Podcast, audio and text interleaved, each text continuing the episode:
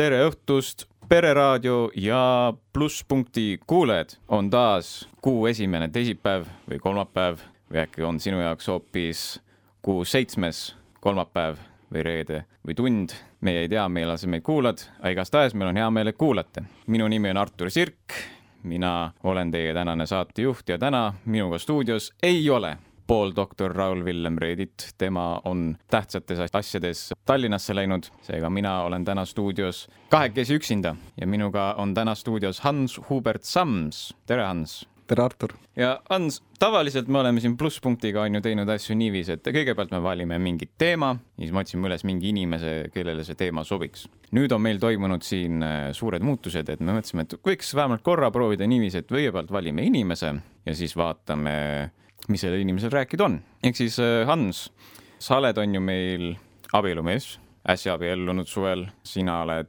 õppinud koolis füüsikat, praegu õpid õpetajaks ja alles paar aastat tagasi kristlaseks saanud. sellise, usun, et on omajagu huvitavat juttu, mida me saame sellest ka rääkida. aga räägi, millega sa tegeled, millist elu sa elad? Jah, ma olen siis hetkel, olen nii äh, tudeng kui ka kui ka, kui ka töötan, siis õppisin, tulin äh, kaks tuhat seitseteist tulin ma Tartu, minust sai sellel hetkel juba, ma arvan, tartlane, sest et äh, Tallinnasse tagasi mind ausalt enam midagi ei tõmba. Tartu hakkas mul väga, Tartu hakkas mulle väga meeldima siin kohe, kui ma siia tulin. Läksin bakalaureuse, õppisin siis äh, tõesti füüsikat Tartu Ülikoolis ja kuskil bakalaureuse lõpus tekkis mõte, et mis ma edasi teen hmm.. et noh, füüsikat õppida, tegelikult füüsikuks õppides, noh, füüsikut kui sellist ametit ei olegi maailmas olemas. et sa pead ikkagi kuidagi spetsialiseeruma, midagi tegema nagu. ja siis äh, mul tuligi mõte, et mulle meeldib tegelikult teisi õpetada, mulle meeldib väga selgitada erinevaid teemasid ja ma otsustasin, et äkki minust äh, võiks saada õpetaja. ja seejärel ma läksingi magistrisse ning õppisin, äh, praegu ma siis õpin magistri esimesel aastal, õpin äh, gümnaasiumi loodusteaduste õpetajaks hmm.. ja samas, kui juba töötan Tartu Tamme gümnaasiumis füüsikaõpetajana. mis veel enda kohta, tõesti, eelmise aasta suvel ma, minust sai tõesti abielumees, ehk siis toimus suur muutus minu elus mm. -hmm. kes kuulajatest hästi tähele panevad, siis panevad tähele, et meie eelmine saatekülaline jagab meie praeguse saatekülalisega täpselt sama perekonnanime ja Elis Sams, kes meil käis eelmine kuu, kellega me rääkisime maitsekusest ja moest ja kõigest sellest, on tõepoolest sellesamuse Hansu naine, ehk siis me oleme terve pere võtnud järjest äh, siin ette saates. aga Hans, äh, alati sa ei ole kristlane olnud, see juhtus on ju alles äh, hiljuti, umbes, mis oli kaks pool aastat tagasi. milline oli su elu enne usku, et kes sa olid, kuidas sa oleks iseloomustanud ennast? ma ütleks niimoodi, et mu, mu elu enne usku oli üpriski ka värvikas, ma ütleks mm., et ma pendeldasin väga palju ringi, ma väga palju otsisin otsisin ennast, otsisin seda, mis, mis, mis mulle meeldib, mida ma tahan, kes ma olen, ma otsisin mm. väga pikalt seda ja ma ütleks nii, et see otsimisperiood või otsimine algas umbes, kui ma sain äh, neliteist. naljakal kombel see otsimine sai alguse sellest, et ma sattusin kuulama vandenõuteooriaid. ehk mul äh, mul ja tegelikult seda siis kuidagi, kui ma õigesti mäletan, siis vist isa kaudu kuidagi ma sinna jõudsin, et mu isal oli väga suur nagu, ta mõjutas mind väga palju sellesse, et ma sinnasse üldse läheks, hakkakski nagu otsima ennast, sest enne mm. seda ma olin suhteliselt, mind väga ei huvitanud, mind huvitas ainult see, mis on nagu käegakatsutav mm., ma olin mm. väga sihuke materialistlik, ütleme nii, ja ma isegi ei mõelnud selle peale, et, et midagi võiks nagu veel olla ja siis need vandenõuteooriad nii-öelda, ma seal äh, ikka väga-väga pikalt igast erinevaid äh, nii äh, noh, mis on need maailmaga seotud vandenõuteooriad, erinevad need äh, ajaloo juhtumised ja kõik need võib-olla mingid vabamüürlased ja kõik see teema. Mm.. ja siis selle kaudu ma siis jõudsin lõpuks sellise asjani nagu spirit science, niisugune mm -hmm. termin. Ja see ongi siis nii-öelda selline liikumine või ma jah, kutsuks teda liikumiseks, mis siis proovib sellisel, kuidagi sellisel rohkem siis võib-olla teaduslikul meetodil või teaduslikult läheneda sellisele vaimsusele hmm.. Nad on erinevad, kasutavad erinevaid just ajaloos, hästi palju on seal seoseid nendega, et üks näide on need Kreeka jumalad, eks ju mm, -hmm. või vaaraod üldse, et nemad olidki näiteks tulnukad, et seal on eks niisugune teema tuleb sisse seal okei, okei. ja et äh, näiteks erinevad kujundid, seal väga palju räägitakse kujunditest, et mis mm, -hmm. miks püramiid nii oluline kujund on ja sellised mm -hmm. mingid äh, nii-öelda need täiuslikud kuj- kujundid, mingi tetrahiidron ja siuksed mm -hmm. asjad. ma ütleks, et sellest hakkas peale minu see nii-öelda sellesse new age'i kuhu äh, laskumine. ma hakkasin erinevaid, sealt tuli ka sisse see selline termin nagu lucid dreaming mm -hmm. või siis ka äh, inglise keeles astral projection mm. -hmm. ma ei tea neid täpselt eestikeelseid vastendeid sellele, et mm -hmm. aga nende mõte oli siis see, et siis nagu läbi unenäo või läbi mm -hmm. nagu sellise noh, kuna unenägu magades me oleme nii-öelda teadvusetus olekus mm -hmm. ehk siis meie, meie keha ei ole kontrolli, me näeme mingit und, eks ju mm, -hmm. aga põhimõtteliselt me oleme teadvusetus olekus. ja selle mõte oli see, et, et on võimalik läbi praktikate seda teadvusetut olek teadlikult näha und mm -hmm. ja yeah. kontrollida oma unenägu ja siis ma hakkasin seda nagu väga uurima Mm -hmm. ma hakkasin pidama erinevaid neid või unenäopäevikuid mm, -hmm. ma hakkasin proovima, praktiseerima seda, et nii, et kui ma magama jään, et mu keha nii-öelda läheks magama, aga mm -hmm. vaim ja pea jääks nagu, nagu ärkvele mm. -hmm. ja väga-väga mitu korda seda proovisin äh,, väga mul see välja ei tulnud ma suhteliselt kiiresti tegelikult andsin selle asjaga alla, sest mul ei töötanud see üldse mm, -hmm. aga, aga paar korda ikka juhtus ka seda, kus oligi nagu nii-öelda see selline unenägu, kus sa lihtsalt oled ärkvel ja, ja saigi lennata näiteks ringi mm. -hmm. ja see unenägu oli seal täiesti reaalne, noh mm -hmm. ja seal oligi, nagu oli ka kirjeldatud, saidki nagu, tunne oligi, et sa tuled oma kehast välja ja siis vaatad mm -hmm. ringi sihuke värk oli, eks ju mm. -hmm. alles hiljem ma sain teada, et, et sellega on nagu olnud väga palju selliseid olukordi, kus, noh, see oli siis, kui ma juba nüüd natuke etteruttavalt kristlaseks sain, et seal on väga palju seotud või noh, on väga palju olukordi olnud, kus, kus inimesed, nad kaotavad keha üle niimoodi kontrolli ja siis hakkavad mm -hmm. nägema mingisuguseid teemantlikke asju mm. -hmm et alles, alles hiljem sain ma sellest teada, aga noh mm, -hmm. mina olin naiivne, mina arvasin, et oh, see ongi väga lahe asi mm, -hmm. praktiseerisin seda edasi mm. -hmm. ja siis sealt edasi. mis, mis sind köitis täpsemalt selle New Age'i osas, et mis sind tõmbas sinna mm.?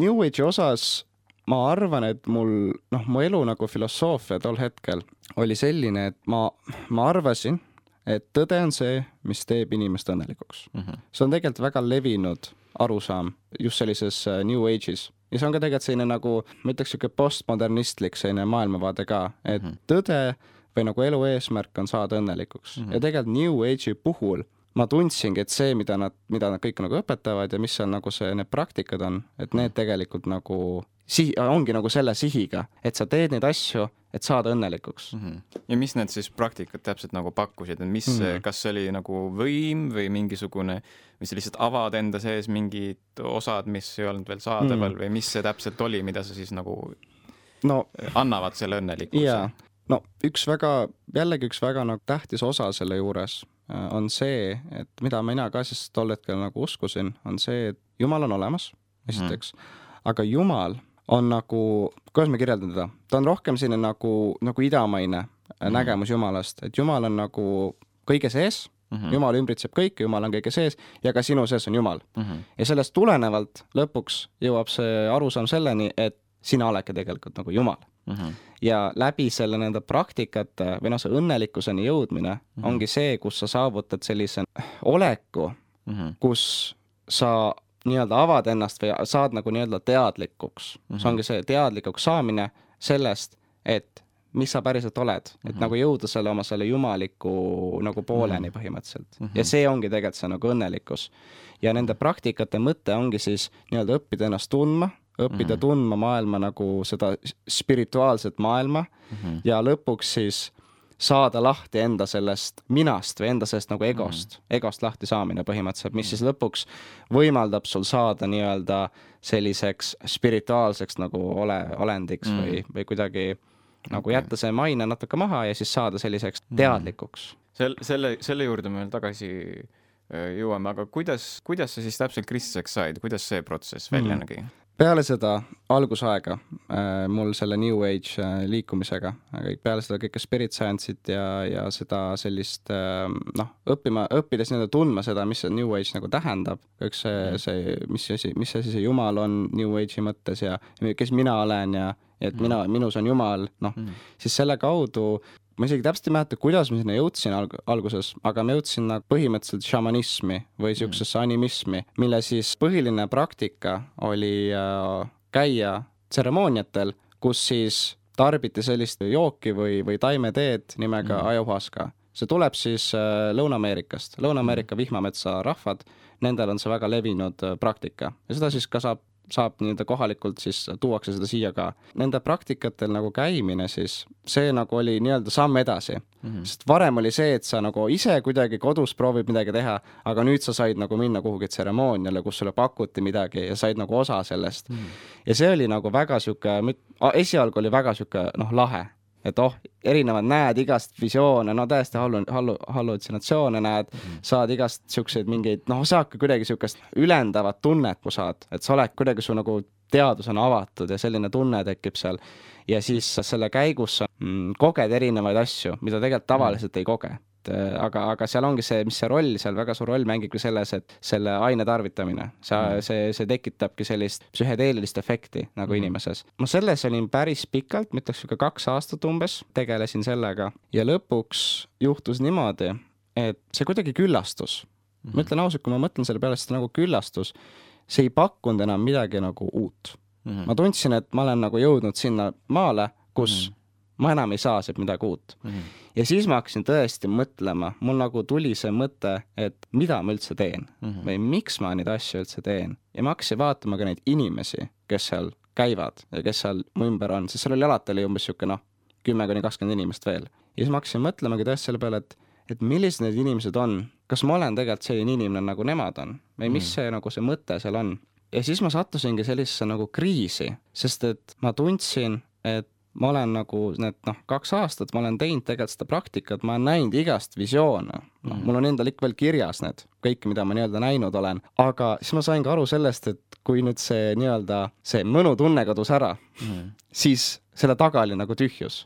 Mm.. sellepärast, et tegelikult ta ei andnudki mulle lõpuks, ma olin ikka seesama Hans, kes ma olin olnud tegelikult kaks aastat tagasi, vaid lihtsalt vahepeal oli olnud, ma olin nagu läbinud nii-öelda siukse noh, põhimõtteliselt nagu sa oleks käinud, ma ei tea, meel, meelelahutust nagu põhimõtteliselt teinud, selline tunne tekkis mul ja siis ma vaatasin mm. neid inimesi ja seal oli väga tihti oli see, et räägiti, et oo, et noh, me oleme ju need head inimesed nii-öelda, me oleme need, kes on ennast ohverdavad ja annavad mm -hmm. teistele ja hoolivad ja armastavad. väga palju räägiti armastusest mm, -hmm. et oo, kõik armastavad üksteist, eks ju mm. -hmm. aga kas ma vaatan neid inimesi nagu päris lihtsalt mõni, üks viimased tseremoonia, ma lihtsalt käisingi seal ja ma lihtsalt vaatasin neid inimesi mm. -hmm. ja siis ma vaatasin nagu ja siis ma mõtlesin nagu, et kas see on see armastus tõesti mm? -hmm. see, et me tuleme sinna, me tarbime enda jaoks mingeid asju, me tegelikult mm -hmm. ju teeme seda kõike enda jaoks mm. -hmm. isegi kui me käime seal mingi sõpradega, me ikkagi teeme seda enda jaoks mm. -hmm. me maksame selle eest väga palju kallist raha. see mm -hmm. oligi üks asi. New Age ei ole odav, seal peab maksma ja seal peab maksma päris kallist raha nende asjade eest, et see ei tule niisama.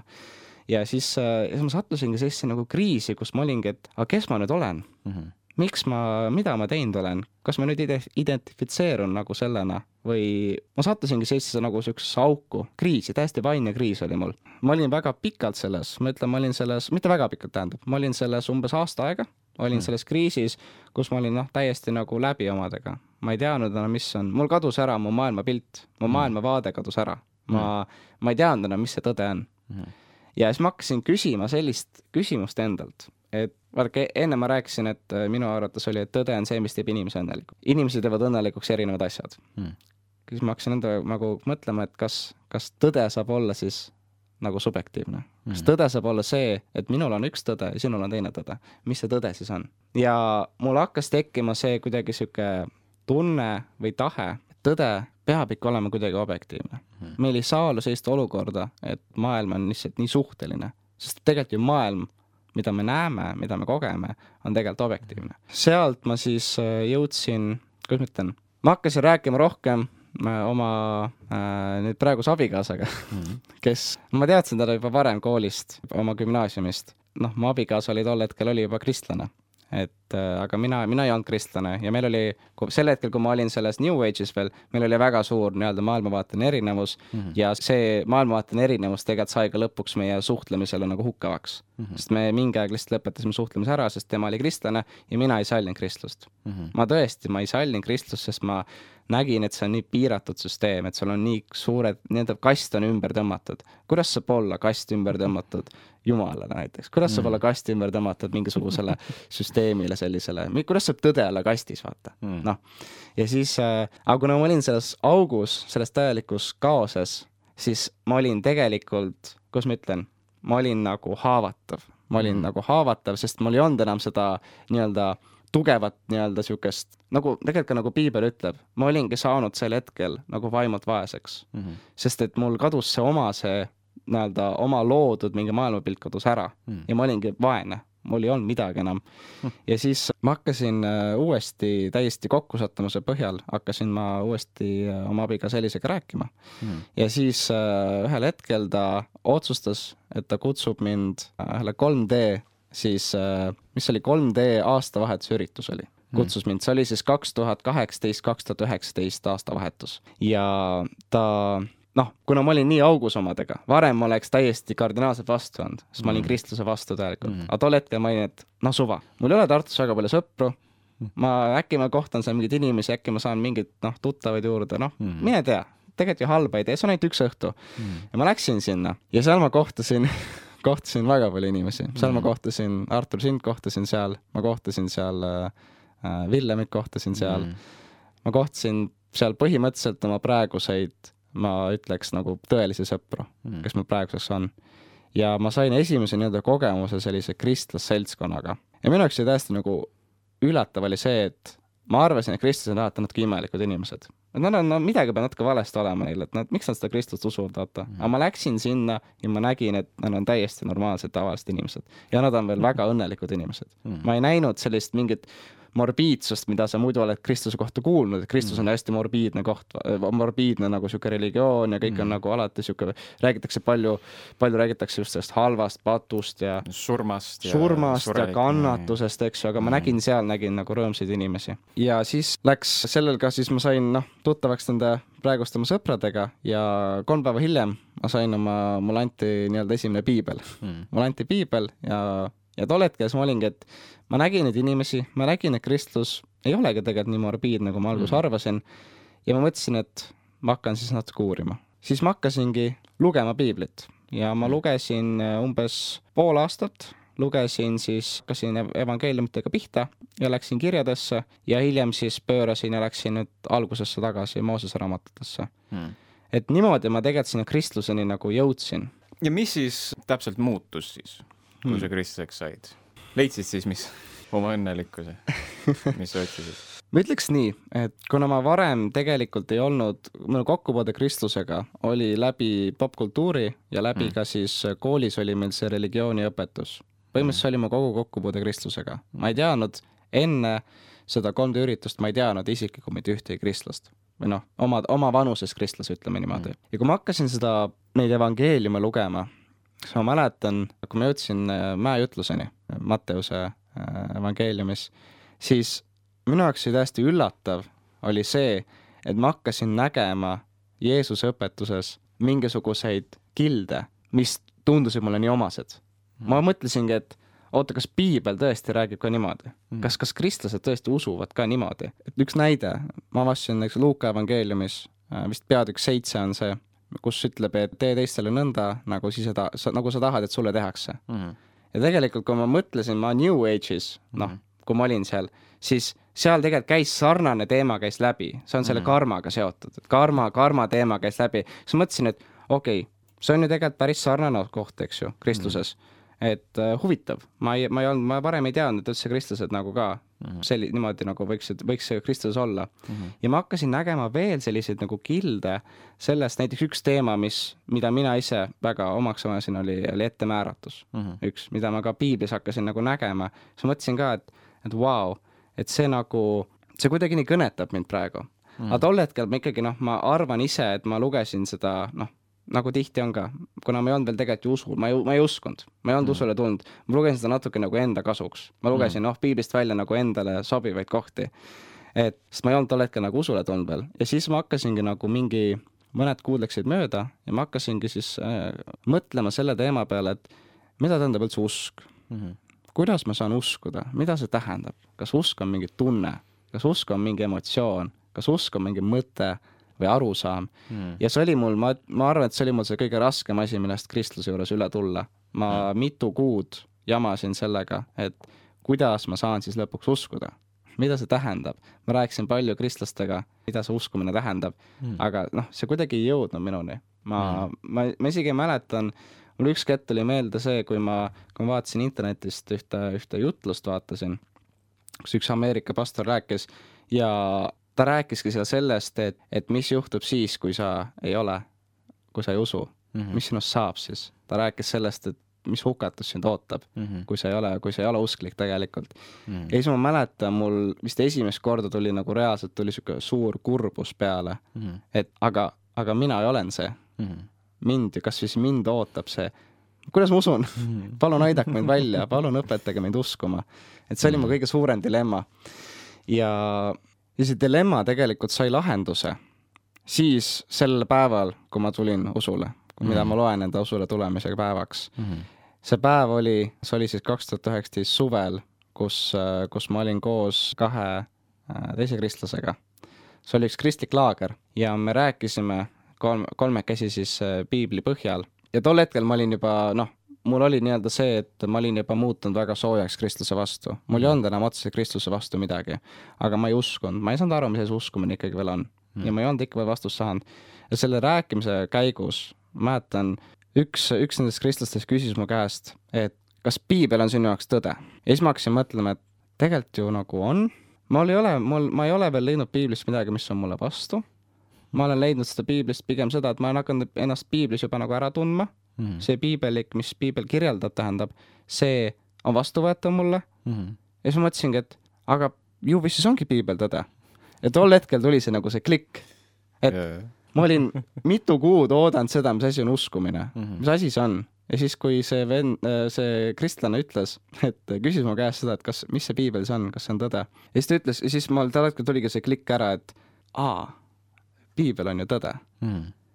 ja ma ootasin alati, et usule tulek on mingisugune suur emotsionaalne mingisugune kogemus, et sa nutad ja, ja kõik on su ümber ja noh, sa oled noh, nii-öelda seda, see tunne tekib millegipärast, eriti kui sa vaatad internetis ka mingeid videosi, kuidas yeah. inimesed tulevad usule ja mis iganes, eks ju. siis ma ootasin ka, et oh, nüüd tulebki taevast tuleb valgus välja ja, ja ma tulen usule yeah.. aga see oli, see oli nii kuidagi sihuke alandlik olukord, seepärast mm. et ma tundsin, et mi-, et ma nagu sellel hetkel ma nagu tõesti, ma alandasin ennast selles olekus mm., et ma, ma võtsin vastu selle, et piibel on tõde.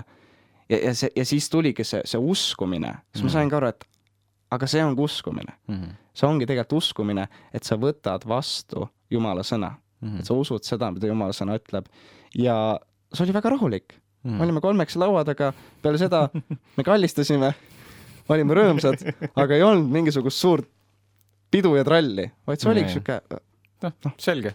Täpselt jah, see oligi hästi-hästi selge ja, ja lihtne tegelikult. et siinkohal teeme väikese muusikapausi ja oleme kohe teiega tagasi.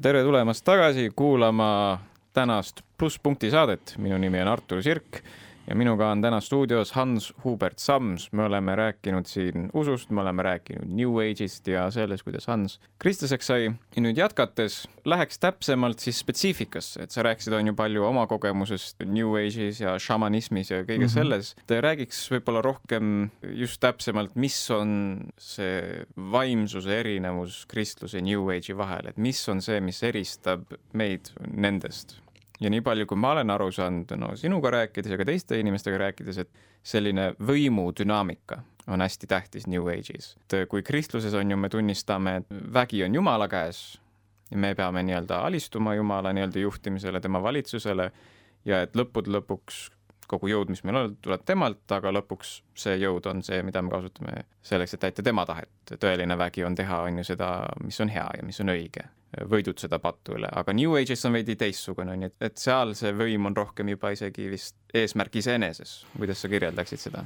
ma võib-olla alustaks sellest, et kui võrrelda nüüd natuke kristlust ja võrrelda New Age'i just selle vaimsuse poolest, siis New Age on väga selline liikumine, kus inimese peal on põhimõtteliselt kogu kohustus. kohustus on sinu käes, sina oled oma nii-öelda teerajaja sina juhid ennast ja sina oled, vastutad selle eest, kas sa jõuad oma eesmärkideni või ei jõua. Mm.. ja kuidas see nagu käib, on see, et sa peadki hästi palju tegema ise.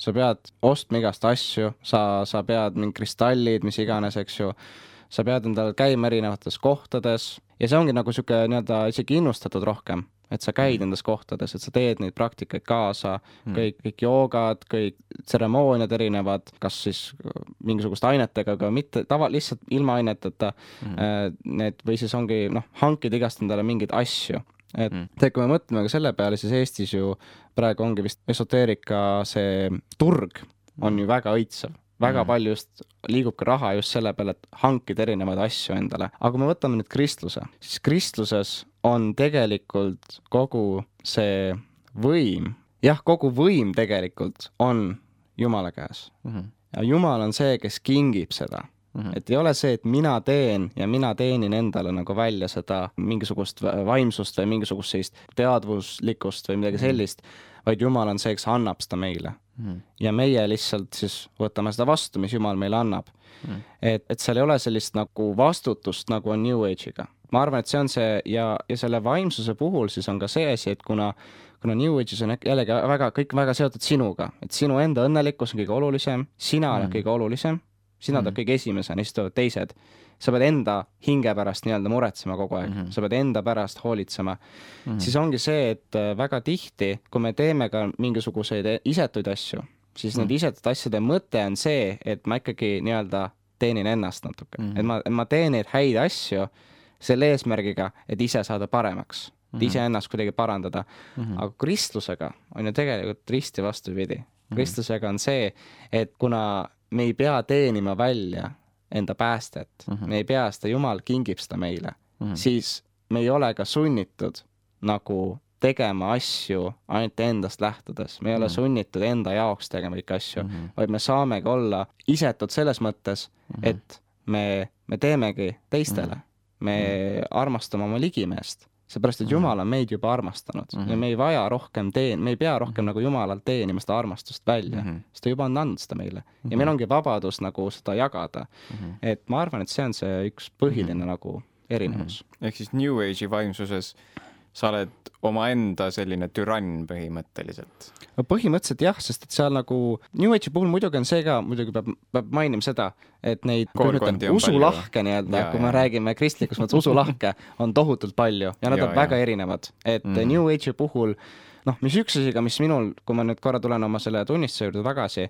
oli see, et New Age'i puhul sul ei ole tegelikult mingit alustala kuhu oma usku või kuhu oma seda maailmapilti rajada. sa, sa rajadki oma maailmapildi tegelikult nagu liiva peale mm. -hmm. aga kristluse puhul on see, et meil on alati piibel ja mm -hmm. piibel on kõige alus ja see on meie nagu tugi mm. -hmm. ja me rajame tegelikult kogu oma maailmavaate, me rajamegi ju tegelikult piibli peale, mis on mm -hmm. nagu kalju. jah, ja võib-olla viimase asjana äh, New Age'ist rääkides, mis sa ütleksid kuulajaid, võib-olla igasuguseid, kes kuulavad, mis ütleksid, et on kõi-, see kõige suurem äh, oht, ohukoht New Age'i osas äh, sellega tegeledes? ma arvan, et New Age'i puhul see kõige suurem oht on see, et see vajab päris suurt investeeringut hmm. ja väga raske on, on eriti inimestena, on, kui me oleme juba midagi investeerinud kuhugi, on hmm. äh, öelda, et ma eksisin ja nüüd mm. tulla välja sealt ja tulla välja sealt mm. kaotusega tegelikult. meil äh, see business, noh, see äri, mm. mis seal on, see ongi selle peale tegelikult ühi-, ehitatud, et sa kogu aeg nagu ostad juurde, sa kogu aeg saad juurde iga, erinevaid asju, sa avastad mingi uue valdkonna ja mm. lähed sinna sisse ja ostad ja ostad ja ostad.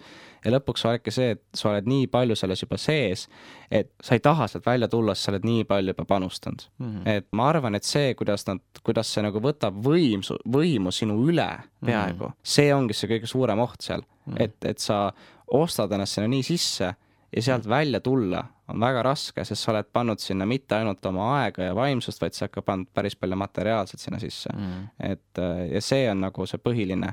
ja tavaliselt on ka see, et kuna New Age'i puhul, New Age'i inimesed on üpriski, kui näiteks rääkida kristlusest, noh, neile väga see ei meeldi siis seal on ka see teema, et tõenäoliselt sa ka, kui sa sealt välja hakkad tulema, siis sa ka kaotad oma sõbrad näiteks mm, -hmm. sa kaotad oma lähedased, keda mm -hmm. sa, keda sa oled pidanud oma sõpradeks mm. -hmm. et kaotused on väga suured, kui sa juba sinna lähed, siis kaotused mm -hmm. on suured. ma arvan, et mhm. see on see kõige suurem oht, et inimestena me ikkagi tahame vältida kaotusi nii palju kui võimalik, jah. ja siis, kui sisse minna, siis raske lihtsalt välja saada ja see on niivõrd siduv, et see on niivõrd, see on ilmselt universaalne põhimõte sellise vaimsuste mm -hmm. puhul, et isegi on ju Kristus ise ja no kogu piibel räägib sellest, kuidas rikastel on raske minna taevariiki.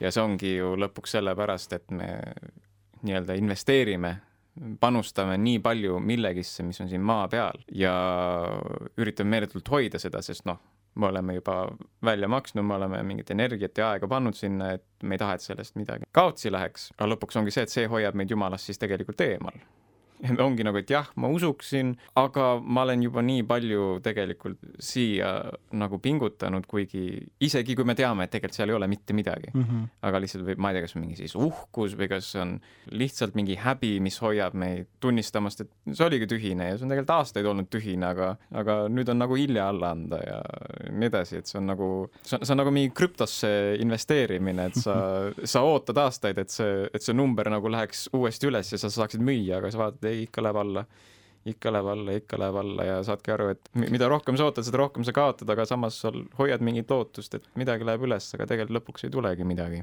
jah, ja võib-olla lisada juurde seda ka, et see, see pinge või see nii-öelda, mis, see rõhk, mis pannakse ka teiste poolt su peale mm, -hmm. et äh, ongi see, et kui, kui läheb näiteks halvasti, no siis ongi, kuna sina ise teenid välja oma seda teadus, teadvuslikkust, eks ju mm, -hmm. siis äh, võib-olla tekibki see tunne, et seda äkki ma ei ole lihtsalt piisavalt hea äkki mm -hmm. ma ei tee piisavalt palju mm. -hmm. ja siis ongi see, et ikkagi, see kõige mõte on ikkagi hoida sind seal sees mm, -hmm. et hoida sind selles ja noh, ma arvan, et sellepärast see ka tänapäeval nii suureltki levib mm, -hmm. see New Age, eriti just Eestis, Eestis mm -hmm. on ju, ma ei mäleta, mis viimane statistika oli, aga aga igatahes palju mm, -hmm. palju inimesi on, noh, tuntakse Eestit kui ateistlik riik, eks ju mm, -hmm. aga tegelikult praegu vist on isegi rohkem inimesi, on selles esoteerikas, kui mm -hmm. on mhm. ateistid näiteks yeah.. et, et see on väga, väga selline magnet, tugev mm -hmm. magnet, mis tõmbab inimese enda poole. ehk siis on üks tühi lubadus et lõpuks sa midagi saad, aga mitte veel. investeeri veel, osta veel, mõtle veel, nii edasi, nii edasi, nii edasi, aga lõpuks jääd tühjade kätega tegelikult, sest sa kõik iseendasse mm -hmm. panustanud, aga siis ei jää tühjaks tegelikult lõpuks mm. -hmm. ja, aga sellest teemast siis edasi minnes, kuidas öelda, tuleme rohkem füüsilisse maailmasse äkki siis, kui saab niiviisi öelda, et sa oled õppinud füüsikat bakalaureusekraadis. teadagi noh, teadususk, selle vahel on, on ju viimase, ütleme mingi saja, saja viiekümne aasta jooksul loodud selline üsna tehislik selline pinge, üritatud pidevalt õrritada kristlasi ja teadlasi üksteise nagu kõride kallale mm, -hmm. võimalikult palju üritatud rõhutada seda, et me oleme totaalselt on ju vastuolus ja et mm -hmm. me, meil on kas Jumala poolt valitsetud maailm või meil on Charles Darwini poolt valitsetud maailm või mis iganes, on ju. Et füüsikat õppides, on, sa hakkasid juba füüsikat õppima enne seda, kui sa said kristlaseks mm. -hmm kuidas on see mõjutanud äh, sinu suhet näiteks piibliga, äh, õppides füüsikat ja kõike seda, et kas on tekitanud mingeid nagu konflikte või raskuseid või mis küsimusi see on esile toonud? no ma ütleks seda, et tegelikult äh, usule tulek muutis tõesti minu arusaama, sest ma läksin alguses füüsikat õppima sellepärast, et mulle meeldis see. Ma mhm. tundsin, et see on lihtsalt huvitab mind. mul ei olnud mingit mõtet väga, et oh, kes minust saab. ma läksin põhimõtteliselt õppima selleks, et saada teada mis, kuidas siis maailm töötab. aga kui ma sain nagu kristlaseks ja tegelikult ma võib-olla enne veel mainiks seda ka, et üks minu äh, õppejõud oli äh, ülikoolis, oli ka kristlane ja ta oli mm. väga avatud, ta oli loengus korduvalt mainis seda mm., et ta on kristlane ja siis mm. äh, mul jäi tegelikult kõlama nagu alguses see, mis ta ütles, et meil oligi äh,, ta võrdles erinevaid maailmapilte võrdles siis religioosset, mütoloogilist, loodusteaduslikku ja ateistlikku maailmapilti mm.. ja siis ta tõigi nagu selle võrdluse seal, et mis on vastandid. vastandid on ateistlik ja religioosne mm -hmm. ja vastandid on mütoloogiline ja loodusteaduslik mm. -hmm. aga religioosne ja loodusteaduslik ei välista üksteist mm -hmm. ning ateistlik ja loodusteaduslik ei välista üksteist mm. -hmm. ja sealt ma hakkasingi nagu mõtlema selle peale, et tegelikult ju päris paljud teadlased just siis ütleme seal viisteist, kuusteist, seitseteist sajand mm -hmm. olid kristlased tegelikult et nad olid ka täitsa enamasti, kui me räägime teadusest, siis nad olid ka teoloogid mm -hmm. täitsa. kloostrimungad tihtipeale. tihtipeale jah, need, kes olidki haritud mm, -hmm. noh. ja siis äh, ma hakkasingi mõtlema, et miks kus see siis, ja siis sealt tuligi see, noh, et kus see siis üldse see teadus nagu alguse sai, et mm. miks me üldse teadust hakkasime nagu tegema. kui ma nüüd kristlaseks sain, siis mul oligi pigem see nagu arusaama muutus mm., et varem oli see, et, et mul oli lihtsalt huvi, ma lihtsalt tahtsin teada mm., lihtsalt inimlik huvi nii-öelda, aga siis see muutus oli pigem see, et, et nüüd mul oli nagu, kuidas ma ütlen, kuna ma teadsin, kes on nüüd Jumal, milline mm. looja ta on. Mida ta on loonud, siis äh, selle füüsika õppimisega nagu muutus ka see mõte või tagamõte tekkis, et, et läbi loo, loomingu nagu uurimise.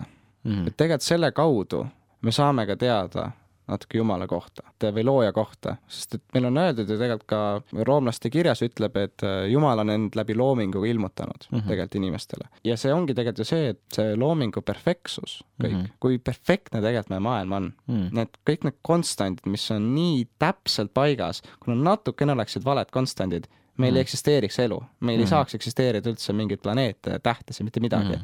kõik on nii perfektne selles mm. universumis ja see ongi nagu see, mis tegelikult, kui me mõtleme ka Jumala peale piiblis, siis mm -hmm. tema tahtmine, tema plaanid on alati perfektsed mm. -hmm. ei ole kunagi sellist olukorda piiblis, kus Jumal arvestaks midagi valesti või mm, -hmm. või et mingisugune asi juhtub Jumalast mm -hmm. sõltumata. alati mm -hmm. on see, et plaan on paigas, plaan mm -hmm. on paigas juba ammu enne maailma loomist mm.. et äh, see kuidagi, noh, saades kristlaseks, mul tekkiski see nagu kuidagi niisugune arusaam, et oh, et see ju tegelikult, ma nagu suudan veel rohkem Jumalat nagu ülistada läbi selle mm., et, et teadmise, et ta on loonud nii imelise maailma. Mm..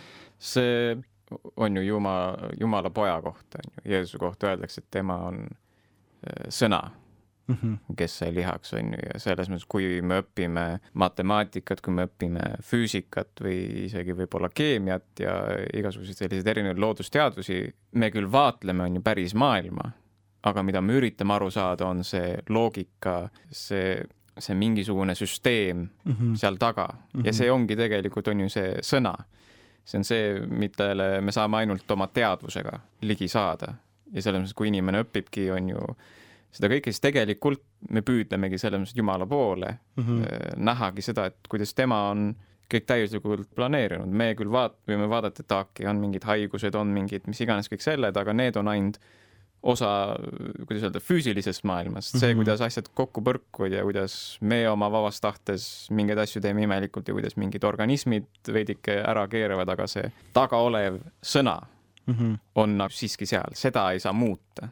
geenid on ju muutuvad, DNA nagu võib saada rikutud kuidagi ja nii edasi, aga see tagaolev äh, kõik on siiski konstantne, on, on ju püsiv. no ongi näiteks, kui võtame ka ju seadused, loodusseadused mm, -hmm. loodusseadused on meil äh, me oleme praegu vaatluste põhjal, eks ju, saanud selgeks selle, et loodusseadused mitte ainult maa peal, vaid ka kosmoses, vaid ka mm -hmm. kuskil kaugemal on mm, on, on, on samad, nagu mm on siin. ehk siis äh, need ei muutu mm. ja, ja see ongi tegelikult see, et see maailma nagu nii-öelda see, see alus, see loomingu alus. On tõesti nagu muutumatu. küll mm. mingid kõrgemajärgulised protsessid, nagu sa tõidki näited, mingid mutatsioonid, mis iganes mm., need toimuvad, aga nende toimumine on ikkagi, tuleneb lõpuks nendest kõikidest seadustest, mis Just. on paika pandud. et mm, -hmm. et see ongi nagu selle noh, kuidas ma ütlen selle ilu või selle perfektsuse, et sõna või see on nagu üks, aga see võimaldab ikkagi ka selle, et meil ei ole täiesti mm -hmm. homogeenne maailm, noh, et yeah. meil on ikkagi noh, juba inimesed on erinevad, kuigi mm -hmm. sama nagu öeldakse, et, et inimene tehti jumala näo järgi, aga inimesed on ikkagi natuke erinevad ka mm. -hmm. et, et see põhituum on tõesti mm -hmm. jumala näo, nägu mm, -hmm. aga sinna tuleb peale ikkagi see mingisugune äh, individuaalsus mm, -hmm. et me ei ole lihtsalt üks kollektiivne mm, -hmm. üks inimene, kes on seitse miljardit korda kopeeritud, eks ju mm, -hmm. vaid ta on ikkagi natuke nagu erinev et yeah., et kuigi, kuigi jah, see tuum on sama, aga yeah. inimene ise on natuke ikkagi erinev, jah. jah, et meil on sama loomus, aga erinevad iseloomud. jah, põhimõtteliselt. põhimõtteliselt, jah. ja, ja võib-olla seal ongi see teema ka, et, et kuna Jumal ise on nii nagu täiuslik, me teame mm, -hmm. et tema tema nende atribuutide kohta mm. -hmm. jumal on, noh, tal on nii palju erinevaid atribuute, eks ju mm. -hmm. siis sama ongi see, et kui me mõtleme näiteks noh, jumal kui looja, kes ei mahu loomingu sisse ära mm, -hmm. jumal on väljaspool loomingut, et see ongi, kui inimene on tehtud jumala näo järgi, siis äh, sealt võib ka nagu mõelda edasi seda mm, -hmm. et võib-olla ongi, et mõnes inimeses avaldub mõni atribuut mm -hmm. rohkem, mõnes natuke ja. vähem, sest me ei suuda mahutada kogu jumalat ja, ja. inimese sisse. ja see on isegi ja ma arvan, et see mõttelaad isegi oli osaliselt näiteks vana, Vana-Kreeka või Vana-Rooma inimeste peas, et nad ei suutnud Jumalat hoomata kui mm -hmm. üht isikut mm. -hmm. seega nad ainult tükeldasid Jumala ära erinevateks nagu jumalusteks mm, -hmm. et okay,, on mingi õigluse Jumal, on mingi armastuse Jumal, on mingi, ma ei tea, viljakuse Jumal ja mis iganes kõik erinevad jumalad on ju, et kõik annavad meile erinevaid asju, sest ei suutnud hoomata neid üht isikusse. ja see isegi oli mõtteprotsess, on ju, mis käis Rooma impeeriumi esimestel sajanditel, et lõpuks aina rohkem koondus mm. tähelepanu mingile ühele kesksele figuurile, kuna kuni oligi vist üks Rooma keisritest äh, saigi mingisuguse ilmutuse, et tead mis, kõik need väiksed jumalad on väljendus ühest suurest jumalast ja tekkiski mingisugune nagu meeleparandusprotsess mm. roomlaste nagu mõttelaadis, mida kristlased kindlasti väga palju mõjutasid mm. -hmm. et äh, hakati ka aina rohkem aru saama, et me olemegi Jumala lõhki tõmmanud mm, -hmm. aga tegelikult Jumal on üks õiglus, armastus, headus, kõik see on ühes isikus nagu kõik olemas ja ideaalis on ju Kristuse nagu enda isikus. aga samamoodi on ju inimeste puhul, et ükski meist ei suuda kogu jumalust nagu endasse ära mahutada, me ei suuda välja sellist, Jeesus suutis, on ju, aga mm -hmm. no Jeesus oli, oligi Jumal selles mõttes mm. -hmm. aga isegi selle puhul igas inimeses me saame näha mingit noh, kuidas öelda, peegeldab Jumalat tugevamalt mingil viisil, mõnes paistab välja veel suurem kannatlikkus, no isegi mehed ja naised on ju mm. -hmm. meestes paistab välja rohkem selline jõulisus, meelekindlus, õiglus ja selline võib-olla tugevus ja selline kaitsemine ja hool ja naiste puhul selline hellus ja mm -hmm. armastus ja kõik see, et see ongi noh, sealt tekibki terve suur selline mosaiik kokku, et igaüks meil on selline väike tükikene ja lõpuks me saamegi, avastamist on lõputult, kui ainult isegi lihtsalt nagu inimestest rääkida. ja siis ongi alati midagi uut leida, on ju, alati sa, sa ei jõua lõpuks, on ju, sinna, kus sa et okei okay,, nüüd on kõik selge, nüüd ma, nüüd ma tean, kes Jumal täpselt on, milline ta on. Ja võib-olla see on ka see konflikt, mis on, on ju tekkinud, mis ma ütlesin, on ju, et meid on ürritatud nagu üksteise kõrv, kallale et see nii-öelda modernistlik mõttelaad, et äh, mis oligi põhimõtteliselt on ju see, et meil on võimalik leida kogu tõde, olgu siis teadusliku meetodiga, mingite mõõtevahenditega maailma uurides ja loomulikult kirik pidi tegelema selle mõttemaailmaga, see auk võib-olla, millesse me oleme langenud, ongi see, et okei okay,, aga kui teadus suudab nii-öelda avastada kõik, siis me saame kasutada teadust, et avastada kõik nende vastu. Hmm.. et kõik väited, mis teadus teeb, noh, ütleme võib-olla sellised ateistlikumad teadlased, et me saame need kõik ümber lükata täpselt samade vahenditega. mm. -hmm. aga see ei tööta niiviisi päris, on ju. seda peab jah tõesti ütlema, et, et teaduse puhul siis on ju, meil on see üks meetod, mida me kutsume siis loodusteaduslikuks meetodiks mm. -hmm. see on see meetod, kus sul on kõigepealt, eks ju, mingit, näed mingit nähtust, tekib küsimus mm. -hmm. tekib hüpotees, viid läbi eksperimendi. -hmm. vaatad, kas eksperiment kinnitab hüpoteesi või, või lükkab ümber. -hmm. teedki oma järelduse ja siis läheb edasi tegelikult, kui me mõtleme selle peale, siis äh, see ju meetod üldse tekkis, üks loojatest on Francis Bacon, mis oli siis, kui ma õigesti mäletan, kas seitseteist sajand. Mhm. enne seda näiteks ei olnud sellist mõttelaadi üldse maailmas olemaski mm. Mhm. -hmm. reaalselt inimesed ei mõelnud selle peale, et ma pean, et ma pean katset kuidagi kinnitama, tõestama, et ma pean katset suutma kaks korda teha näiteks. et tegelikult ja, ja kui me mõtleme selle peale, siis see, siis see, see meetod on ju tegelikult täielik, täiesti inimlooming. Mhm. me ei näe seda, piibel oleks midagi sellist meile pakkunud, mingit mm -hmm. sellist meetodit. me näeme seda, et, et see ongi täiesti inimlooming ja tegelikult mm -hmm. on ka see, et see on nii-öelda nagu tehakse nalja selle üle, et, et demokraatia on äh, parim äh, riigisüsteem halbadest riigisüsteemidest mm, Mhm. -hmm. eks ju, valitsussüsteemidest, siis tegelikult loodusteaduslik meetod on ka nii-öelda parim, mis meil on, aga see ei ole täiuslik mm. -hmm.. noh, seda, seda, see ei ole täiuslik, sest et äh, me ei saa kõike vaadelda. me ei saa kõike. vaadelda, sest me ei saa lõpuks Jumalat vaadelda. me saame Mhm. ainult vaadelda luma, Jumala peegeldust tema loomingus, aga me ei Mhm. saa näha tegelikult, mis on Jumal. ja, ja tihti on ka see, et mingid asjad ongi kord, kordamatud, me ei saagi Mhm. korrata mingisuguseid asju, et see ongi nagu võimatu. Et- kasvõi maailma loomine on ju. jah, me palju vaieldakse selle üle, et mis seal toimus ja kuidas toimus ja kui kaua toimus ja nii edasi, nii edasi, Mhm. mingid asjad on, on ju meile antud esimeses Moosese raamatus, aga lõppude lõpuks mingil määral noh, nii ateistil kui ka kristlasel tuleb võtta kõrvast kinni ja öelda nagu, et kas sa olid seal. jah, no samamoodi nagu Jumal vastab Hiiobile onju, et Hiob seal raputab rusikat taeva poole, et nagu, et okei okay,, et miks on nii ja miks on naa ja miks on noo ja siis Jumal ütleb, et kuule, sündisid eile, sured homme, no kas sina olid seal, kui ma lõin maailma Mm. sa olid seal, kui ma panin taeva, taevasse tähed ja kõik taevalaotused ja mered ja loomad ja kõik see, kas sa olid seal? no ei olnud. nii soe suu kinni ja mõtle. ja hooma on ju seda, kui väike sa tegelikult oled. lõpuks me peaksimegi kõrvuti tegelikult on ju seisma, et nagu, et oh, me mõlemad soovime loodetavasti ühte asja, on ju, me soovime mõista maailma paremini mm, -hmm. me Mhm. soovime mõista Jumalat paremini. kes teab, võib-olla meil on üksteiselt õppida omajagu igas selles vallas. jah, tegelikult kui me võtame üldse ka, võtame füüsika näiteks, siis füüsikas meil on olemas sellised asjad nagu postulaadid Mhm. postulaat tähendab siis seda või ka teine alternatiivne nimi on aksiom. see tähendab mm. seda, et see on mingisugune väide, mida ei ole võimalik kontrollida, aga me võtame seda kui tõde. Mhm. näiteks üks aksiom oleks see, et iga punkt Mhm. on universumi keskpunkt. See on mm. -hmm. iga punkt, vahet ei ole kus, on universumi keskpunkt. et selle nagu, sellised aksiomide mõte on lihtsalt see, et, et kui hakati küsima neid miks küsimusi mm. -hmm. miks on niimoodi, miks on niimoodi, miks on niimoodi, siis lõpuks sa jõuad mingisugusele miks küsimusele, Mhm. mida ei ole enam mitte kuidagi võimalik vastata sellele, seal ei ole Mhm. lihtsalt võimalik vastata, eks me panemegi paika nii-öelda selle äh, aksiomi Mhm. ja ma tean, tihti heidetakse kristlastele ette seda, et aga te ütlete, et oh, jumal lihtsalt lõi maailma niimoodi. Mhm. et see on ju, mis, mis väide see on, vaata. Mhm. aga samas tegelikult, kui me mõtleme füüsika peale või loodusteaduse peale, siis seal on tegelikult samasugused mingisugused väited, mida mm. ei ole võimalik kinnitada ega ümber lükata, me lihtsalt mm. võtame neid kui tõena Mhm. ja, ja seal ongi näiteks, kui võtta näiteks ateistide ja, ja, ja selliste religioosse maailmavaatega inimeste erinevusi näiteks just loodusteadustes mm., siis ongi see, et äh, näiteks kui, kui äh, kristlane ütleb, et Jumal lõi maailma, Jumal mm. On see looja, siis ateist ütleb selle peale, et, et see on tõenäosus lihtsalt. Et mm. -hmm. et tema toob välja selle, selle põhimõtteliselt tooks niisugune teooria sinna, universumid on lõpmatu Mhm. ja ühes universumis tõenäosuslikult tekivad siuksed, siuksed konstandid, siuksed seadused, et meie maailm saab eksisteerida mm. -hmm. eks kõik on puhtalt tõenäosuslikult mm -hmm. juhtunud. samamoodi tegelikult me, me räägime, et äh, kui kristlane usub, et Jumal lõi maailma, siis mm. -hmm. nemad tegelikult ka usuvad, Mhm. et ju, maailm, maailm loodi tõenäosuslikult, mingisugune kokkulangevus lõi maailma mm. Mhm. -hmm. tegelikult see on samasugune usk, Jaa. aga lihtsalt kui meie teoorias usume, ütlevad sama asja ka tegelikult. Põhimõtteliselt. kes, mis on tõenäosus? põhimõtteliselt jah, kes ta on, onju.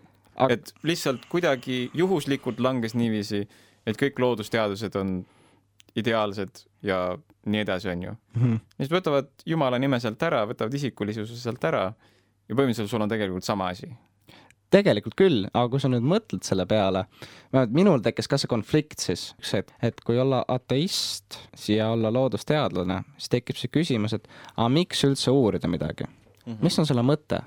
ma saan aru, et mingi teem-, mingisse, mingisugusele maani saab minna sellepärast, et sa saad saada kasu. näiteks tahad mm. uut tehnoloogiat, teha elu mugavamaks, see on täiesti arusaadav.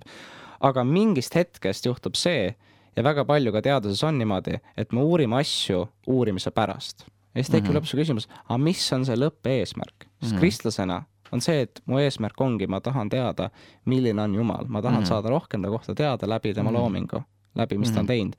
aga kui mõelda selle tõenäosusliku peale, siis tekib küsimus, et aga mis on selle mõte mm, -hmm. miks ma üldse uurin, miks ma teen tööd mingi asja nimel mm? -hmm. molekulid uurivad molekule ja no põhimõtteliselt jah Va. vaatad, vahid iseennast põhimõtteliselt, kõik on sama, sama hall mass lihtsalt. põhimõtteliselt ja. jah. aga ma arvan, nende mõtetega me saame ka tänase jutuajamisele kokku võtta. aitäh, Hans tulid, vestlesid, aitäh, Villem, et sa meiega vaimus siin olid ja aitäh ka teile, head kuulajad, tulite meiega, et mõtlesite meiega kaasa ja me näeme teid, ei näe, kuuleme, me kuuleme üksteist siis jälle järg-, jällegi see suhe on nii keeruline see on tõesti keeruline suhe, mis meil on teiega, kuulajad, meie ainult räägime ja teie ainult kuulate.